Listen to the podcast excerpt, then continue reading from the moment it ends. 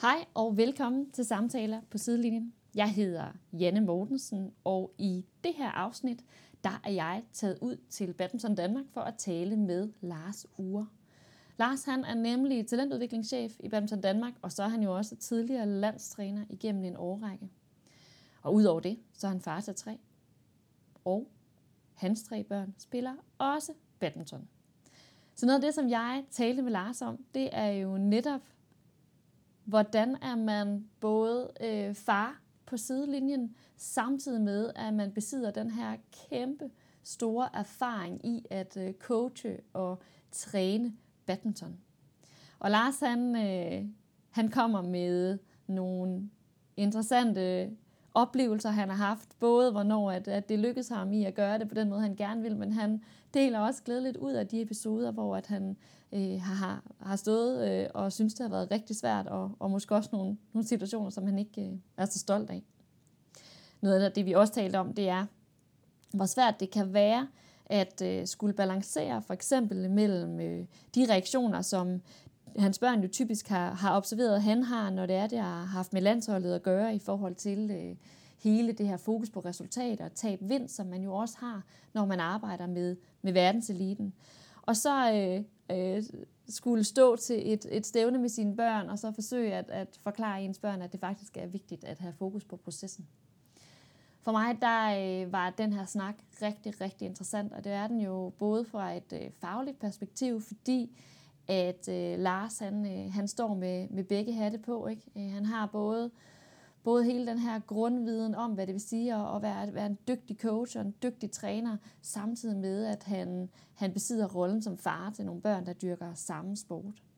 Så jeg, øh, jeg er glad for, at du lytter med, og jeg er ret sikker på, at øh, du kan få rigtig meget ud af lige præcis det her afsnit. God fornøjelse.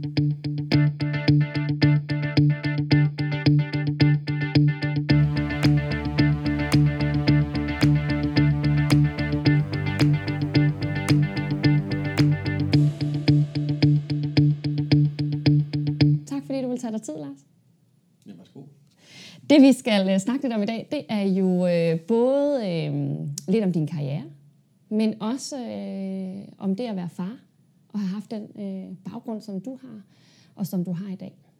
Og det første, jeg egentlig gerne vil snakke med dig om, det er, hvor længe har badminton været en del af dit liv?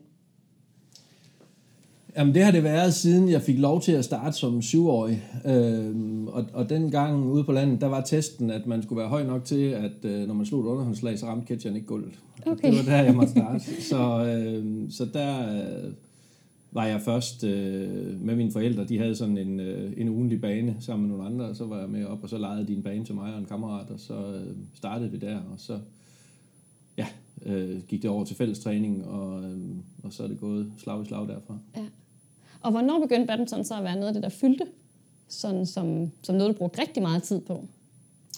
Jamen, Som barn dyrkede jeg mange ting. Øhm, jeg er øh, opvokset i Ægtved, som er en, øh, en lille by i Jylland, og, øhm, og der spillede man jo øh, øh, noget om sommeren og noget om vinteren, og, og badminton var min vinteridræt, og om sommeren spillede jeg fodbold, og jeg dyrkede også lidt atletik og tennis, og øh, hvis de manglede en på et håndboldhold, så spillede jeg også med der. Øh, Så, og så da jeg blev det, der hed pusling i den gang, sådan... Øh, øh, jamen der begyndte det at blive lidt mere seriøst, men jeg spillede stadigvæk øh, fodbold og tennis også, men, men der, kunne jeg, øhm, der kunne jeg godt mærke, at, at, øh, at der begyndte at ske lidt, og, og, øh, og jeg også begyndte at ramme den sådan mere regelmæssigt. Ja. Er der noget, du sådan husker tilbage? For noget af det, der interesserer mig rigtig meget, det er jo øh, forældrenes rolle. Øh, og egentlig også det skifte, der har været sådan fra generation til generation i forhold til forældrenes rolle i sporten. Altså der er sket ret meget de sidste 30 år ikke? i forhold til at være forældre på sidelinjen. Hvordan husker du dine forældre på sidelinjen i din sport?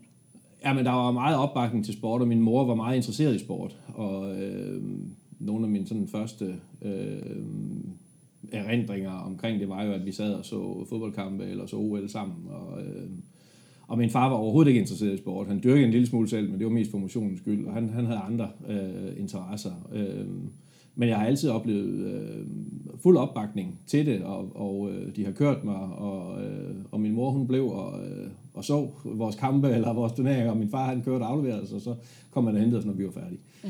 Øh, og jeg kunne også godt komme hjem fra øh, det ene eller det andet, og, og så spurgte han, hvordan det var gået, og så øh, havde vi vundet eller tabt, eller jeg havde spillet godt eller dårligt.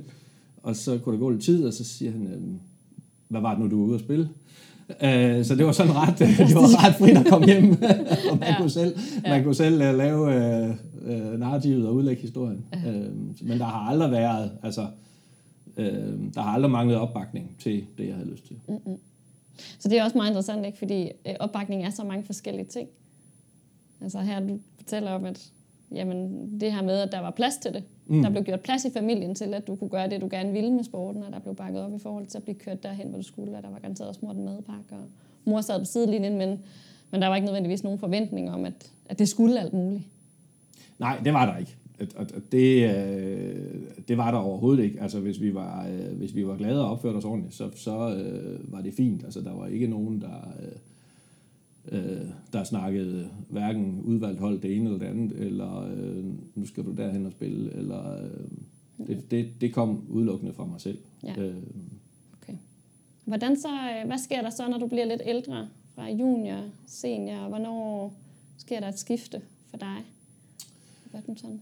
Øh, jamen, der sker et, et skifte, fordi jeg vælger sammen med en øh, kammerat, der var fire år ældre end mig, men jeg vælger efter 9. at tage ud og rejse mm. øh, med rygsæk. Øhm, og det vil sige, at jeg har jo et år, hvor jeg, øh, hvor jeg ikke spiller. Øhm, og jeg tror faktisk, jeg har søgt ind på Team Danmark-linje der. De var helt nye. Ja.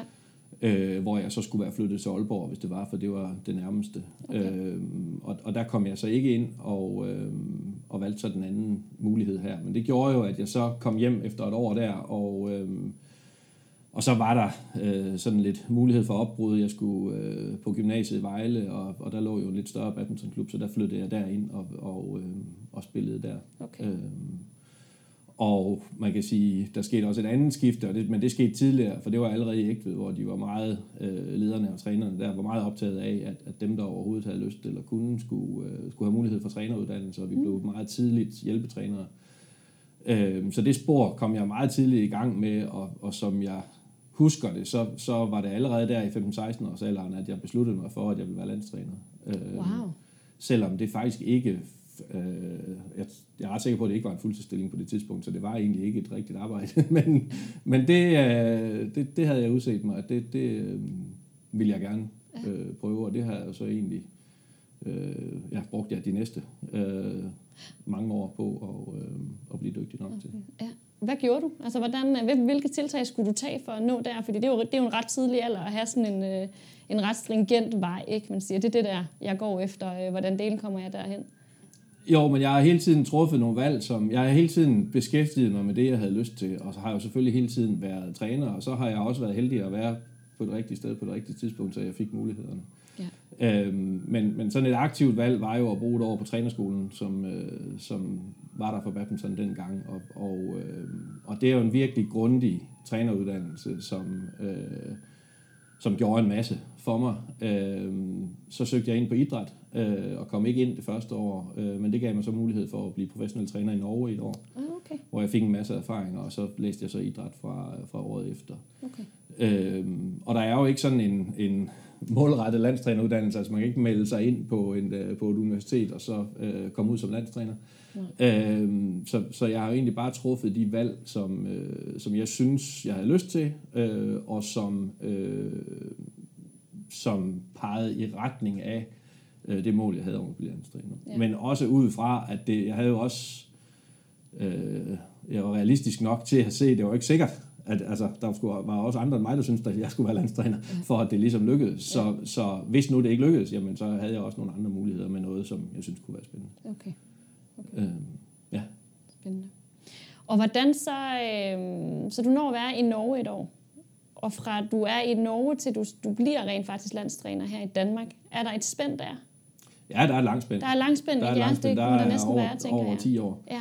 Øhm, ja, men det andet skældsættende punkt, det er, at jeg bliver... Øh, jeg ved ikke, om det er et afbud, jeg kommer med på, men jeg bliver i hvert fald inviteret med på, øh, på Badminton Danmarks øh, ungdomssommerlejre, som lå i Kataminde dengang, Okay. hvor øh, Michael Kelsen var, øh, var leder af, af talentafdelingen.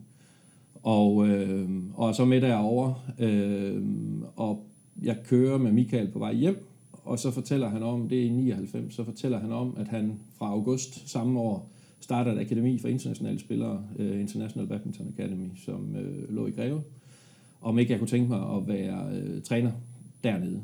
Uh, og det er jo et af de der steder, hvor man kan sige, at der er jeg bare heldig at være på det rigtige sted, altså det rigtige sted på det rigtige tidspunkt, mm. og at der ikke lige var en, der var dygtigere end mig der. Mm. Øhm, og så arbejder jeg faktisk hos Michael som dels som deltid og nogle gange nogle perioder som fuldtid øhm, der med spillere, som er meget dedikerede, og de, mm. de har ikke verdensklasse niveau, men de er de bedste i deres lande, og de stræber efter at komme til OL, og derfor så har vi et, et ret spændende træningsmiljø der. Okay. Faktisk indtil jeg så skifter og kommer ind i landstrænerteamet her i 2006. Ja. Okay. Øh, så, så det var meget, meget vigtigt for min udvikling at, øh, at kunne gå øh, der sammen med Michael, som havde meget erfaring, og sammen med nogle spillere, som virkelig var dedikerede. Ja. Og så var han med til at bygge noget op. Hvor du har været ikke igennem en årrække, altså det lød som om, det var et nyt akademi, der startede. Jo, det var det. der? Det var det, ja.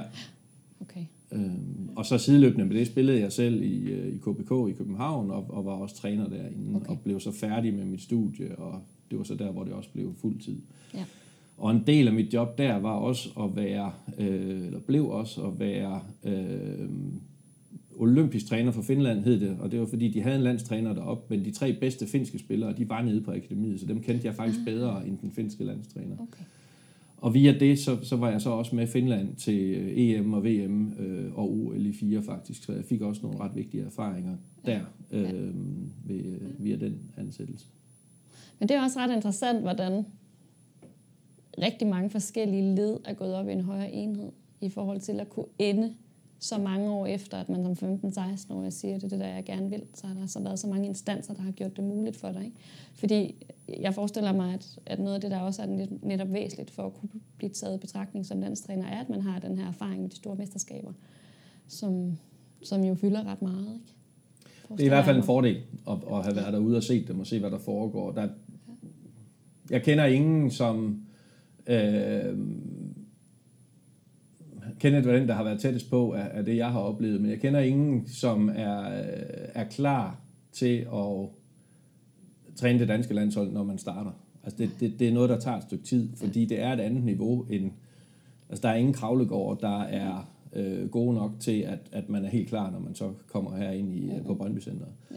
Øhm, men men øh, også i kraft af, at jeg ikke har en spillerkarriere, øh, jamen så, er, øh, så var de der erfaringer øh, guld værd for mig, fordi det, det klædte mig bedre på til at, til at starte op herovre. Ja, okay. Og hvornår er det så sideløbende med, med, med hele den her karriere, at du bliver far første gang? Jamen, det bliver jeg i 2008, altså to år efter jeg øh, er startet øh, på, øh, på Brøndby-træningen. Øh, ja.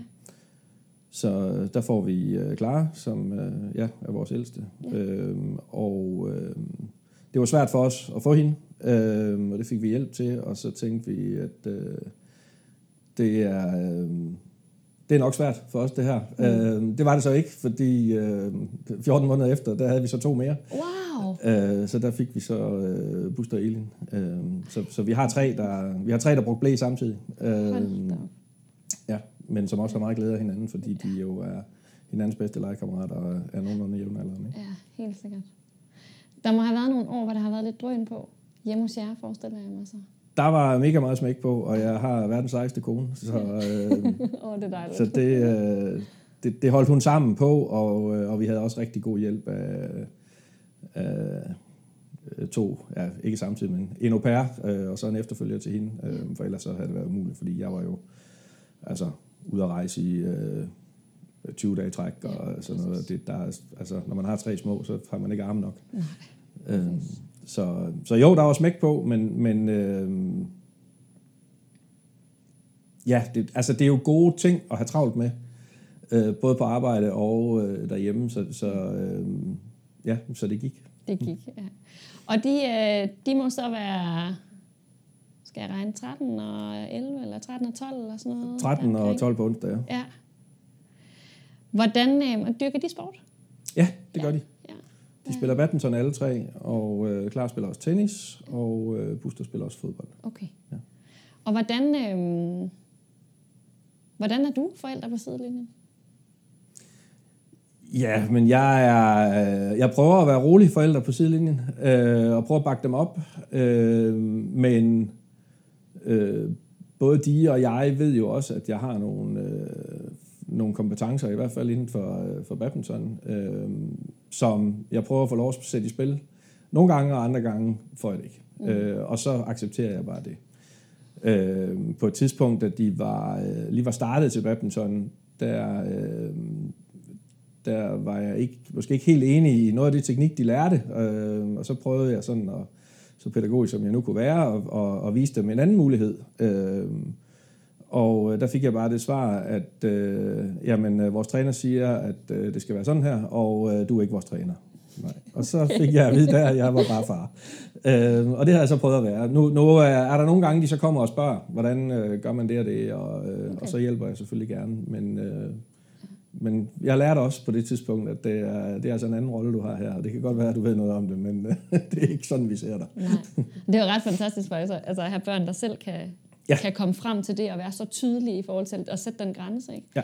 Fordi det er noget, noget af det, jeg oplever, når jeg står på sidelinjen øh, rundt omkring sammen med, med unge atleter og deres forældre, eller bare står og observerer til et eller andet stævne, og det kan være alle mulige sportsgrene, det er jo, at, at lige præcis den her øh, rollefordeling, den er ikke blevet talt igennem.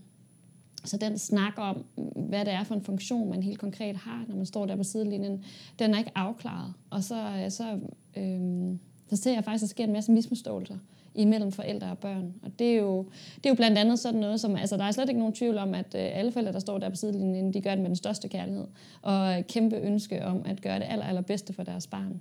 Øh, men når den snak ikke er taget om, hvad er det bedste i forskellige situationer, så, øh, så sker der bare rigtig mange misforståelser. Og så kan de stå der med al deres kærlighed øh, og blive mødt øh, som en mur ikke, øh, af barnet. Og det er super ærgerligt, fordi det er egentlig en snak, som for i nogle familier jo sker, som du beskriver selv, ikke, at, øh, at dine børn har, var ret tydelige på selv at sige øh, tak, men nej tak, far. Ikke? Mm. så øh, vi, vi nupper lige den her feedback herovre med vores træner, men der er rigtig mange børn, der ikke er i stand til at få sagt fra overfor. Der, der kræver det, at forældrene selv initierer den her samtale på en eller anden måde. Ikke? Øh, har du nogle eksempler sådan på, hvor at, øh, nu beskriver du selv, at, at det kan jo være svært, når man har hele den her tekniske og faglige viden øh, omkring en, en sport, øh, og hvor dine forældre eller hvor dine børn har sagt fra. Men har du nogle eksempler på, hvor at, øh, at I har misforstået hinanden, eller hvor du har forsøgt at bakke op, og så, så har de alligevel øh, ikke helt taget imod det, som du gerne ville, eller har du haft nogle oplevelser på sidelinjen på den måde, du kan genkende? Jamen, dem har vi masser af, og, og også som du siger, det, den der øh, forhandlingssnak, og hvad er det, I gerne vil have, den har vi heller ikke haft. Så vi misforstår hinanden øh, ofte øh, i det der, og der er jo også nogle, jeg har jo nogle ting med i bagagen, øh, altså, øh, de har jo øh, både set mig hjemme i stuen reagere på, hvordan spillerne klarede det på højeste niveau. De har været med ud og se nogle af turneringerne. De har set mig øh, sidde og være øh, presset til et OL for eksempel, og, og oplevet reaktionerne på det, altså både fra vores egen familie, men også fra omverdenen mm. med, jamen der er forskel på at vinde og tabe. Mm. Og så klinger det lidt hult, når jeg siger, at, at øh, jamen, øh, det var rigtig fint, og, og jeg synes, du lavede nogle gode ting, selvom du tabte her. Altså, øh, når vi er ude til en ungdomsturnering. Og det er jo noget helt andet for mig, for det betyder ikke, altså, det er jo meget, mere, eller meget mindre vigtigt, om de vinder eller taber øh, til en U11B-turnering, mm. end, end det er for mig at være til et VM, selvom vi også prøver at kigge på præstationen der. Men der er bare forskel på, om man har noget om halsen, når man kommer hjem, eller man ikke har. Ja. Sådan, det, det, det ligger i jobbet, og det ved de jo godt. Det er de jo snu nok til at, øh, at afkode. Så derfor så er der jo...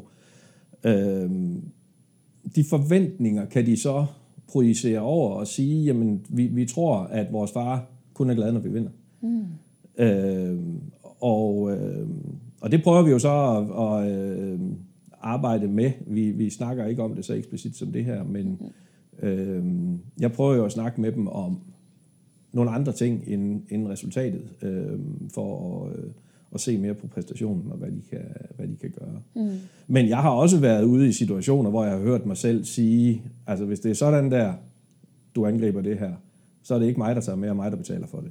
Og, og det er jo en ynkelig situation at ende i, fordi det er jo ikke i nogens interesse, men, øh, men der er vi jo gået skævt af hinanden ja. et eller andet sted på vejen. Jeg kan faktisk ikke huske, hvad det var, der ledte op til det. Jeg kan bare huske, at det endte med at være min reaktion. Ja. Og det var jeg ikke særlig stolt af, faktisk, da vi kørte hjem.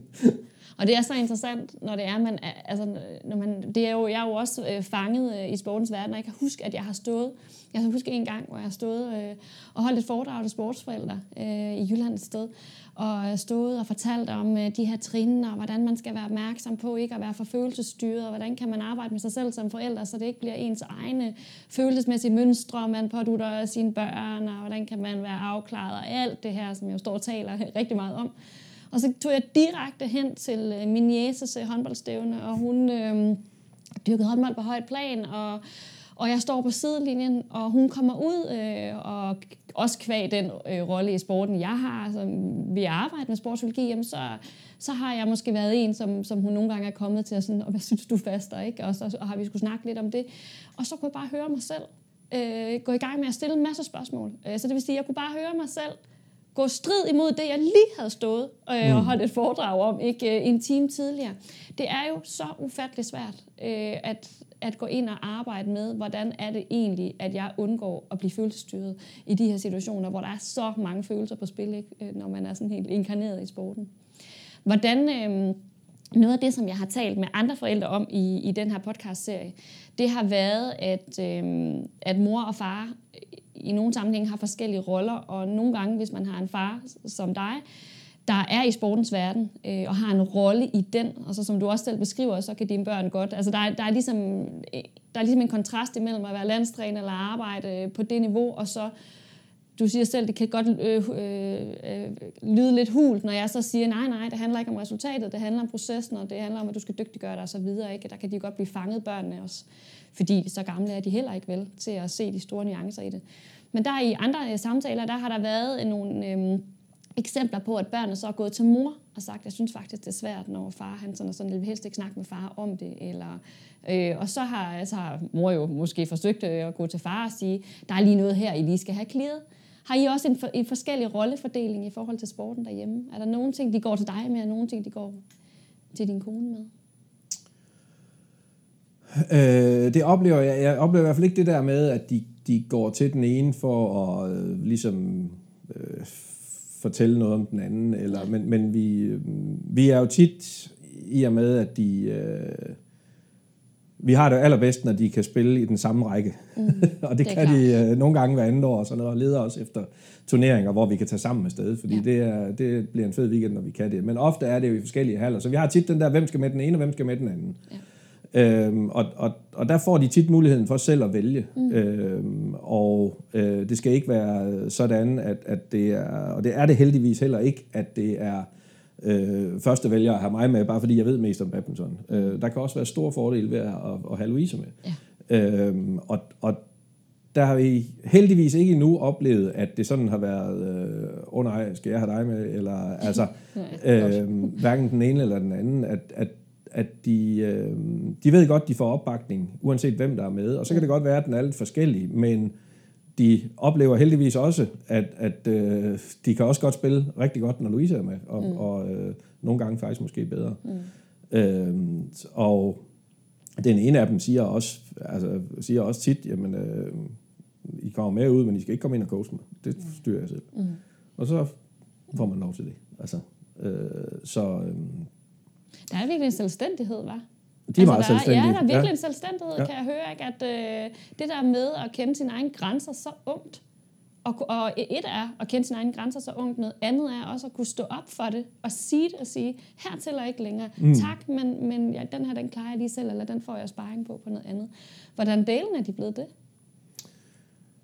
Jamen, det ved jeg ikke, øh, hvordan de... Altså, de er jo meget forskellige, øh, selvom de er... Jeg har samme forældre og nogenlunde lige gamle, men, øh, men, øh, så, så der er noget personlighed, men, men det er måske også et af, en af de værdier, som vi prøver at, at opdrage dem til, det her med, at de skal kunne klare sig selv, og de skal stå op for deres egen mening, men, men de skal selvfølgelig også kunne indgå i et, i et socialt fællesskab, og, øh, Øh, ja, og det, det øh, tror jeg måske er noget af det, som, øh, som vi har lykkedes med.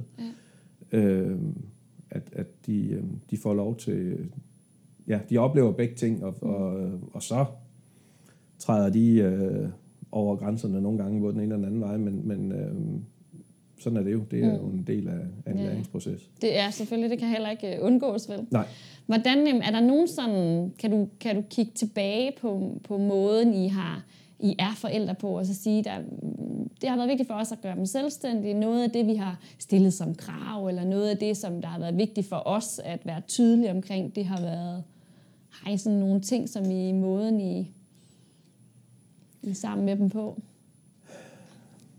Nej, det ved jeg ikke. Det er ikke noget bevidst i hvert fald, men, men, men øh, det er en, øh, altså når jeg ser på det sådan bagudskuende, så, øh, jamen, så er det helt klart en værdi det her med, jamen, øh, hvis, de har, hvis de har lyst til eller mod på at bage en kage, jamen, så får de lov til det, uanset at det kommer til at ligne en krig, når de er færdige. Mm. Eller, og så må de så også være med til at tage ansvar for at få det til at se nogenlunde normalt ud igen. Ikke? Altså, ja. øh, og de har tidligt overnattet ude, og, mm. øh, og, og det er ikke fordi, det på nogen måde er et laissez hjem. Altså, jeg, jeg oplever egentlig, der er mange, der synes, at vi er ret øh, strikse omkring nogle ting. Mm. Altså, vi, vi har nogle øh, øh, klare ting, som man skal rette efter, men, mm. men der er også mange friheder, og især hvis man tager et initiativ, jamen så bliver det også øh, bakket op ja. øh, langt hen ad vejen. Hvad kan I være striks med, for eksempel?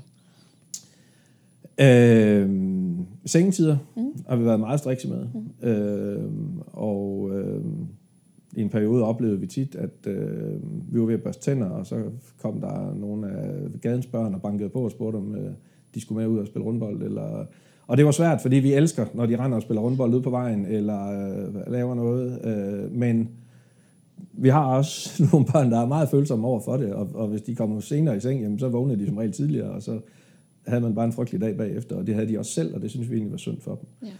Øhm, så det er sådan en, en ting, øh, jamen sådan almindelig maner og høflighed og, øh, og sådan noget, det, øh, ja, det går vi op i, at, mm. at, øh, at de opfører sig ordentligt, når, både når de er hjemme og, og når de er ude. Mm.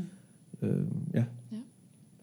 Hvordan, øh, i de år, hvor du øh, agerede landstræner, hvordan Hvordan var det for dig øh, at opleve det her med at være væk fra hjemmet og komme tilbage?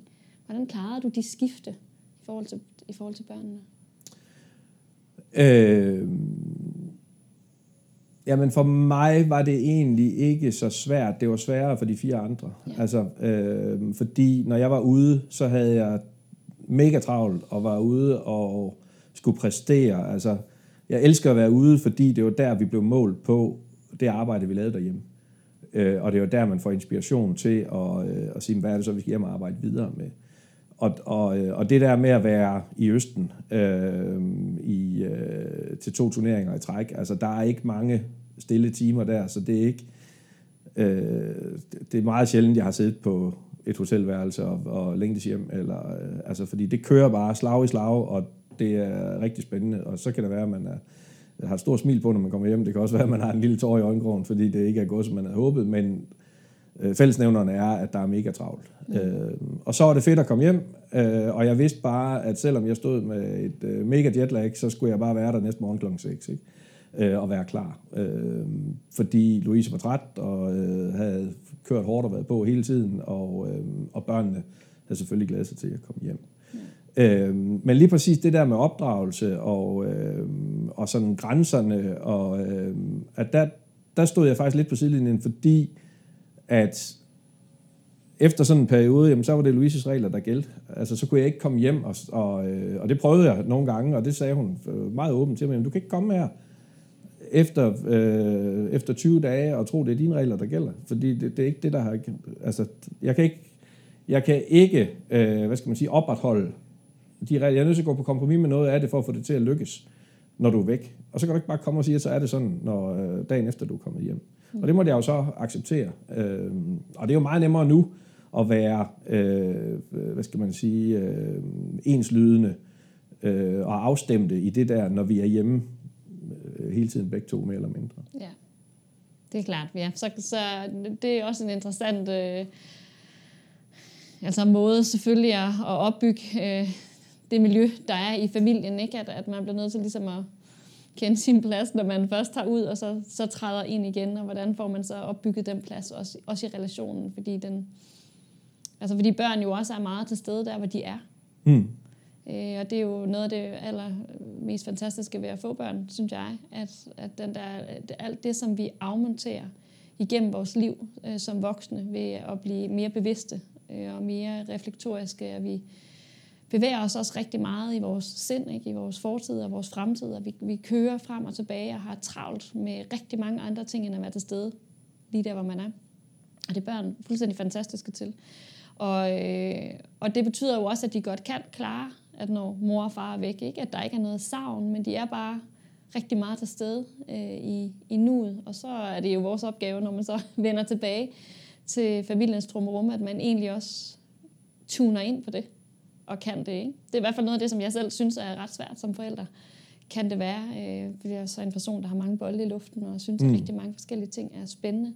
Så hele den der øvelse i, at når jeg er med mine børn, så er jeg med mine børn. Og så skal jeg ikke 117 andre ting samtidig. Det, øh, det er sådan en ongoing proces at lære det, synes jeg.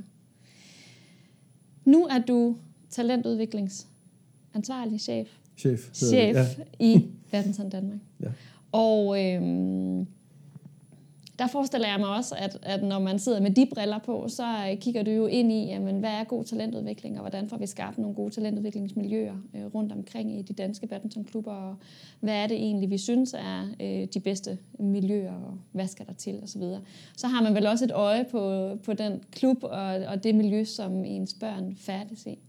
Hvad, øh, hvad er det vigtigste for dig, når du sådan kigger på, på det miljø, som både dine børn er i, men også øh, resten af, af Danmarks badmintonbørn?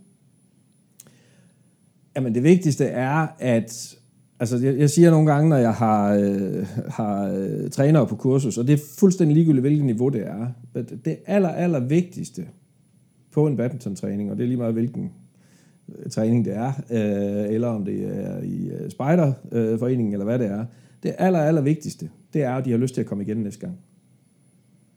Øh, og alt det, der så ligger ind imellem i, de, i den halvanden time eller to timer, hvor lang tid træningen nu er, altså når de går ud fra hallen, så skal de være sultne på at komme igen næste gang. Det kan være, de er trætte og ikke kan træne videre nu, men de skal have lyst til at, at, at, øh, at komme næste gang. Øhm, og, og det er jo let at sige, men svært at, øh, at udføre, fordi så er det jo, hvad er det så, man skal fylde ind for, at de gør det? Øhm, og der skal vi passe på med at se alle børn som ens. Dels er der noget med niveau, men selv nogen, der er lige gode, kommer heller ikke fra det samme. Der er nogen, der kommer, fordi de bedste kammerater, de er der. Øh, der er nogen, der kommer, fordi de har bestemt sig for, at de skal være øh, den nye Victor Axelsen.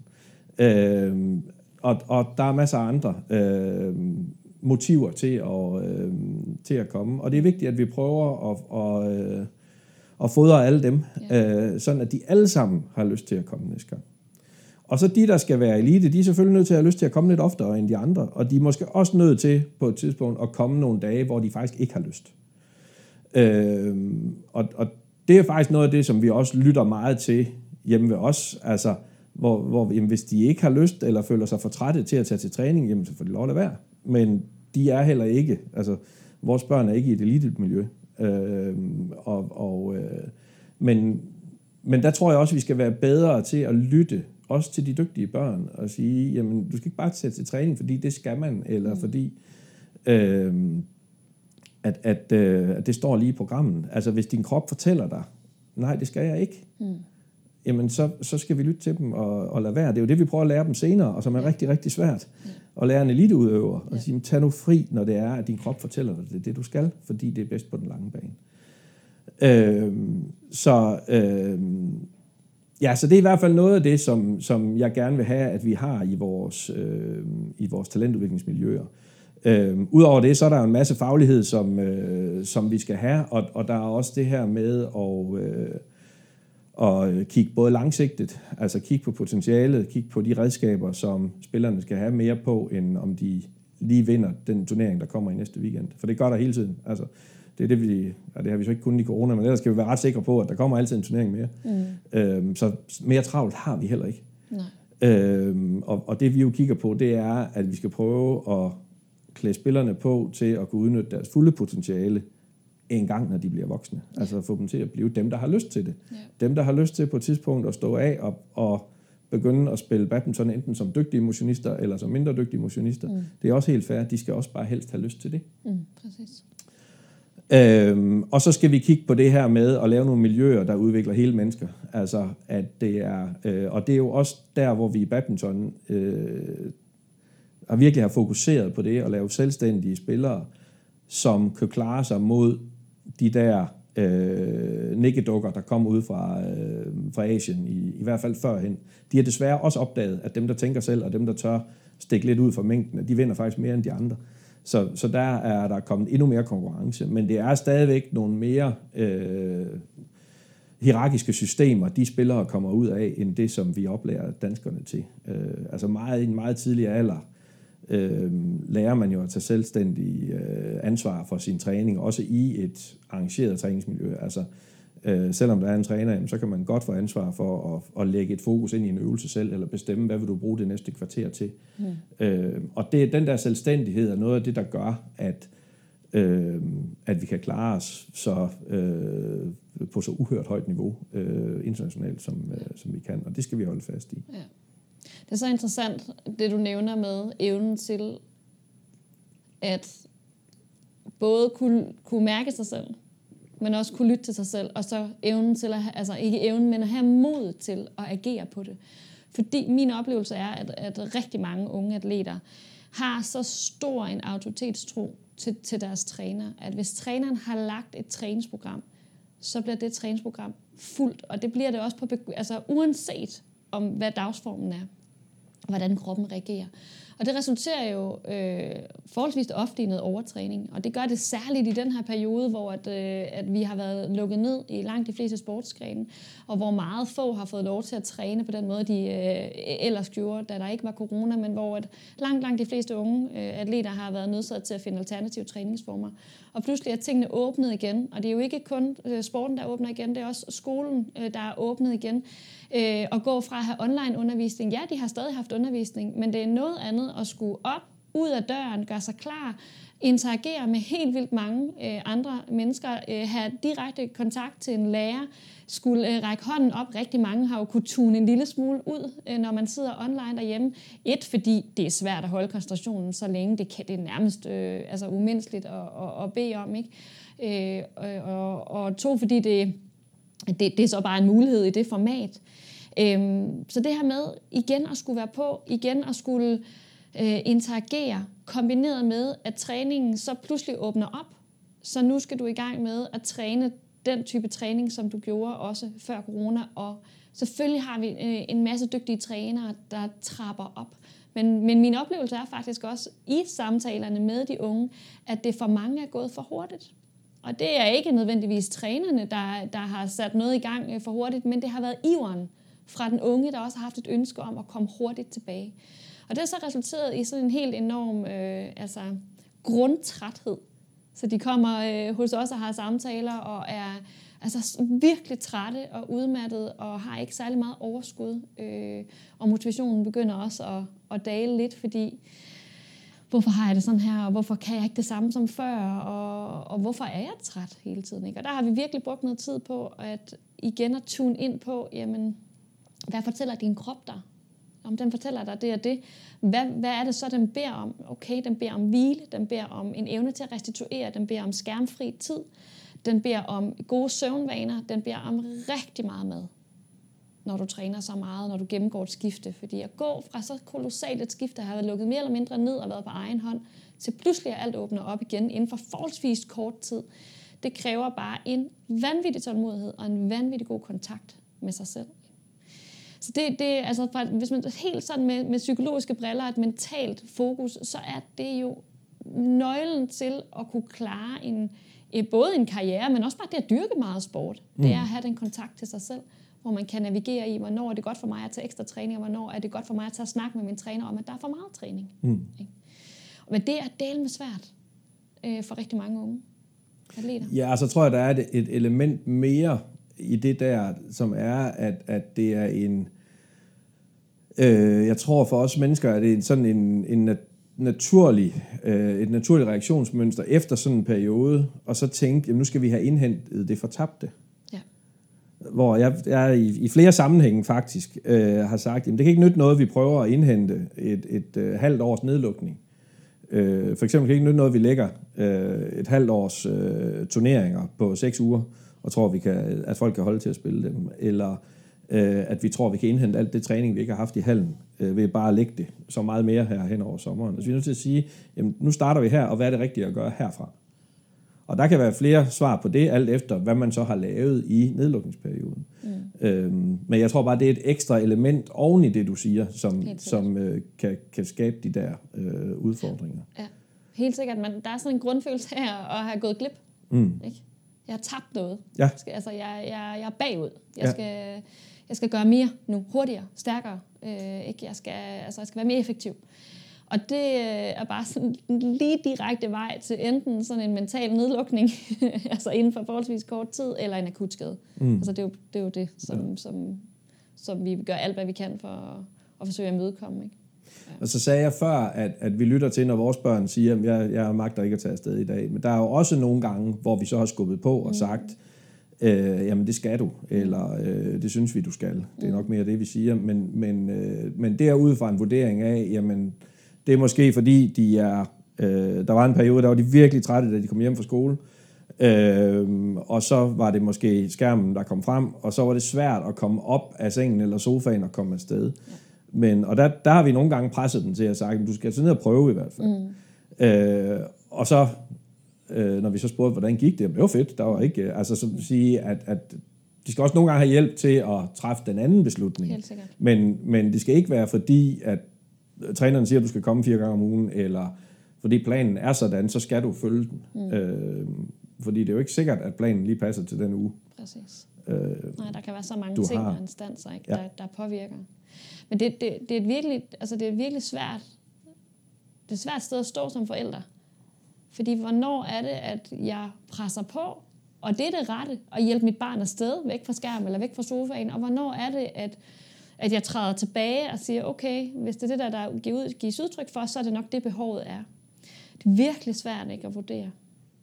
Jo, at komme ud i det der, hvor man ikke tager barnets følelser eller ord for gode varer, mm. altså at, at stille sig tvivlende mm. over for det, de siger. Mm. Øhm, og, og, men omvendt kan man også have et barn, der har fået ondt i foden til at tage til fodbold, og så, øh, eller til badminton, eller hvad det er, og så 10 minutter efter øh, hopper rundt ud i trampolinen sammen med tre venner. Ikke? Altså, og så er det bare sådan, ja, og det er ikke sikkert, det var rigtigt at sende dem afsted til. Kan godt de har ret i, det var bedre, men ja. det er måske så bare ikke, fordi det gjorde ondt i anklen i hvert fald. Nej, nej, nej, præcis. Det, jeg plejer sådan, fordi jeg synes også, det er meget svært at rådgive. Altså når jeg har forældre, der ringer til mig, eller, eller inde i, i, i den Facebook-gruppe, hvor vi er øh, rigtig mange forældre efterhånden, ikke? Så, og snakker og sparer sammen. Ikke? Øh, øh sidelinjen for sportsforældre inde på, på Facebook, man kan finde øh, som er en gratis medlemsgruppe, hvor man kan melde sig ind, og der kommer en masse sparring, og kommer med nogle oplæg osv.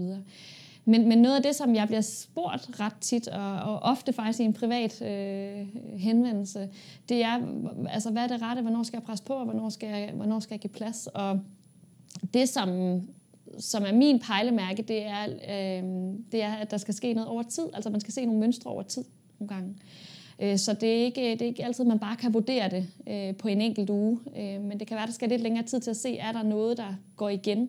Og er der også nogle andre, er der også nogle andre følelsesmæssige øh, signaler, der bliver sendt om, at der er noget, der er i ubalance? Og det er blandt andet sådan noget, som hvis man har en, der øh, har mistet motivationen i en periode, eller siger, jeg, jeg vil ikke til træning øh, gentagende gange, er der også andre reaktioner? Er der også noget øh, lidt kort lunde? Er der nogle humørsvingninger? Er der noget øh, indelukkethed? Trækker barnet sig også øh, for sig selv? Øh, sover de mere? Spiser mindre? Osv. Så der er sådan forskellige ting, man godt kan kigge ind på, før man kan se, er det bare lige i dag tirsdag, fordi nu er det lige federe at sidde og se en Netflix-serie, eller er det faktisk noget, der sker sådan hen over en periode, ikke? hvor vi skal have en anden tilgang til det og være lidt, lidt mere undersøgende på, hvad der foregår. Ja. Jo, det, det tror jeg er et rigtig godt svar, og, og, og i nuet kan man sige, i det enkelte tilfælde, dels ligesom med alt muligt andet, så kan vi ikke ramme den rigtige vejledning eller den rigtige beslutning hver gang, så det er noget med at prøve sig frem, men jeg synes også, det er faktisk noget af det, vi ofte bruger tid på at diskutere, øh, min kone og jeg, det der med, øh, barnet siger sådan og sådan, hvordan, altså, og hvad har vi så hørt hver især, hvad siger de måske til os hver især, og, hvad, og så træffer vi en beslutning om, hvordan vejleder vi i det her, og det, det lyder så formelt, og altså, det er ikke sådan, vi indkalder til møde om det, men, men lige at få den vendt med en anden også, ja. så det ikke bare er ens, øh, fordi der kan jeg også godt have den, jamen, hvis de ikke gør det, jamen, hvordan spiller de så i weekenden, eller hvordan øh, bliver de så udtaget til holdet, og bliver de dit og dat, altså, ja. Øhm, og der er det altså fint lige at få vendt de der tanker med en anden, så man får de vigtige, altså får sorteret lidt i de vigtige og de, øh, de ikke så vigtige øh, argumenter, og så ja. får vejledt ja. øhm, på den rigtige måde, og så selvfølgelig også ser reaktionen. Mm. Øhm, og så kan det godt være, at de sidder og surmuler hele vejen i bilen derover, men så snart de øh, møder en af de andre øh, på parkeringspladsen, så er der et kæmpe smil, og så ja. tænker jeg, altså går det nok, så er det nok ikke helt galt at sende dem afsted i dag. Præcis. Det er, meget, er interessant, det her med faktisk at få snakket igennem, sådan som øh, mor og far, ikke? eller som forældrepar, og sige, hvad, hvad er vores holdning egentlig til det her, før mm. vi melder noget ud, fordi det er jo også et, det er et meget godt pejlemærke for ikke at blive følelsesstyret. Ja i situationen. At man faktisk lige sådan, inden jeg lige reagerer på det her, så skal jeg lige tune ind på, er vi egentlig enige? Mm. Og hvad, hvad er holdninger? Har du hørt noget andet? Sagde hun også det her i går? Eller hvordan var han i sidste uge? Og så videre. Hvor du måske hentede og bragte. Hvordan var det? Fordi så er det jo netop, at man lige tager det der lag af at blive meget impulsstyret, mm. og, og det bliver mere rationelt og, og en bevidst proces af, det er det her, vi bakker op om. Ikke? Og det er jo i virkeligheden nok altså, sige, det, bedste, det bedste svar at, at give på, hvordan takler vi det øh, som, også som forældrepar. Ikke? Øhm, er der noget, som... Øhm, du har jo også tilbragt en masse tid rundt i haller igennem hele din karriere, og, og har set udviklingen af forældrenes rolle på sidelinjen. Er der noget, som du, hvor du sådan tænker, at det her det må være vores fornemmeste opgaver, øh, når, vi, når vi står derude på sidelinjerne, at, at, at give vores børn med? Jamen altså, jeg synes, vores fornemmeste opgave, det er, at de kan få lov til at udfolde sig på den måde, de, øh, de gerne vil, eller den måde, de har det godt med. Mm. Og det mm. betyder ikke, at de skal have, have frit lejde til at opføre sig, som de vil, eller, øh, men, men at de kan øh, ja, gøre det på den måde, og, og, og ud fra de præmisser, som de har lyst til. Øh, og øh, øh, vi kunne let have pacet, manipuleret, lokket vores børn til at øh, træne mere eller træne på en anden måde, men, øh, men det er sådan set ikke det, der har været vigtigt. Det vigtige har været, at de er i et godt miljø, hvor de føler sig trygge, og hvor de også kan blive så meget dygtigere, at de bliver ved med at synes, det er spændende. Mm. Øhm, og så må de egentlig udvikle sig derfra, og beder de om at, øh, at få noget mere træning eller få noget andet, så skal vi nok støtte op om det, men, men det er heller ikke sådan, at, at vi lægger en plan for, at, øh, at det skal de gøre. Mm-hmm. Hvis de kan få et langt liv med, øh, med idrætter og med de, alle de gode opdragelsesmæssige ting og øh, gode oplevelser og venskaber, der, der ligger i det, jamen så, så er vi stolte øh, forældre på sidelinjen. Mm. Øhm, og når det så er sagt, så noget af det, der sådan kan pikere mig, øh, og det er egentlig både som forælder og som, som talentudviklingschef, det er det der med, at vi vi laver så stramme strukturer, at børnene ikke kan få lov til det her. Altså, vi har et barn, som er rigtig glad for to idrætsgrene, og som øh, øh, har et udmærket niveau i begge to. Men på et tidspunkt fik han at vide, jamen, du, du, øh, altså, i, i den her, der skal du komme fire gange om ugen. Øh, som 9-årig, tror jeg. 9 eller 10-årig. Øh, og, og, øh, og, og det var han ikke parat til. Han, han ville ikke vælge mellem to øh, idrætter, som han begge to var glade for. Så siger man, kan vi ikke gøre noget andet? Altså, det er fint nok, hvis han ikke kommer på holdet, fordi han træner mindre end de andre, men hvis nu vi gør sådan og sådan her, så kan han begge ting. Det har fungeret godt før. Øh, nej, men det skal han. Så siger man, det er okay, hvis det er sådan, du ser på det, så, så skal han jo ikke spille på det her hold. Nej, men det er det, og ellers så er det uretfærdigt for de andre, der skal komme fire gange om ugen.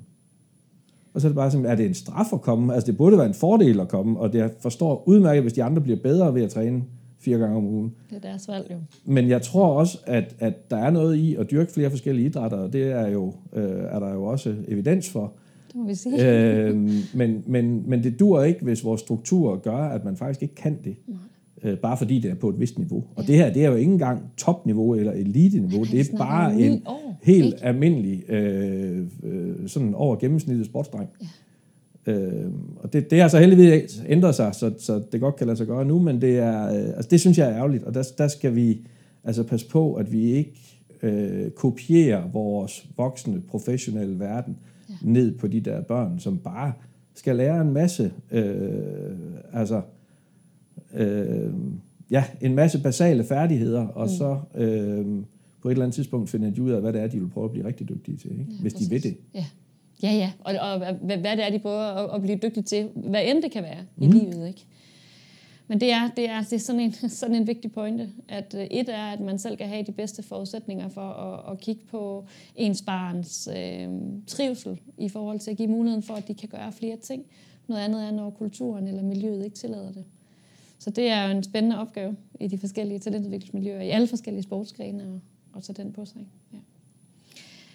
Lars, tak fordi at øh, du gav dig tid til at tage den her snak. Det var virkelig spændende. Velkommen. At høre både om din karriere, men så deltid også at høre om din rolle på sidelinjen. Så tak for det. Tak fordi du lyttede med.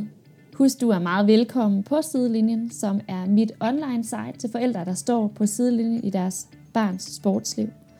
Det er et site, hvor jeg lægger min online oplæg ud, øh, nogle artikler og podcast, jeg laver, eller andet materiale, som handler om netop den her rolle.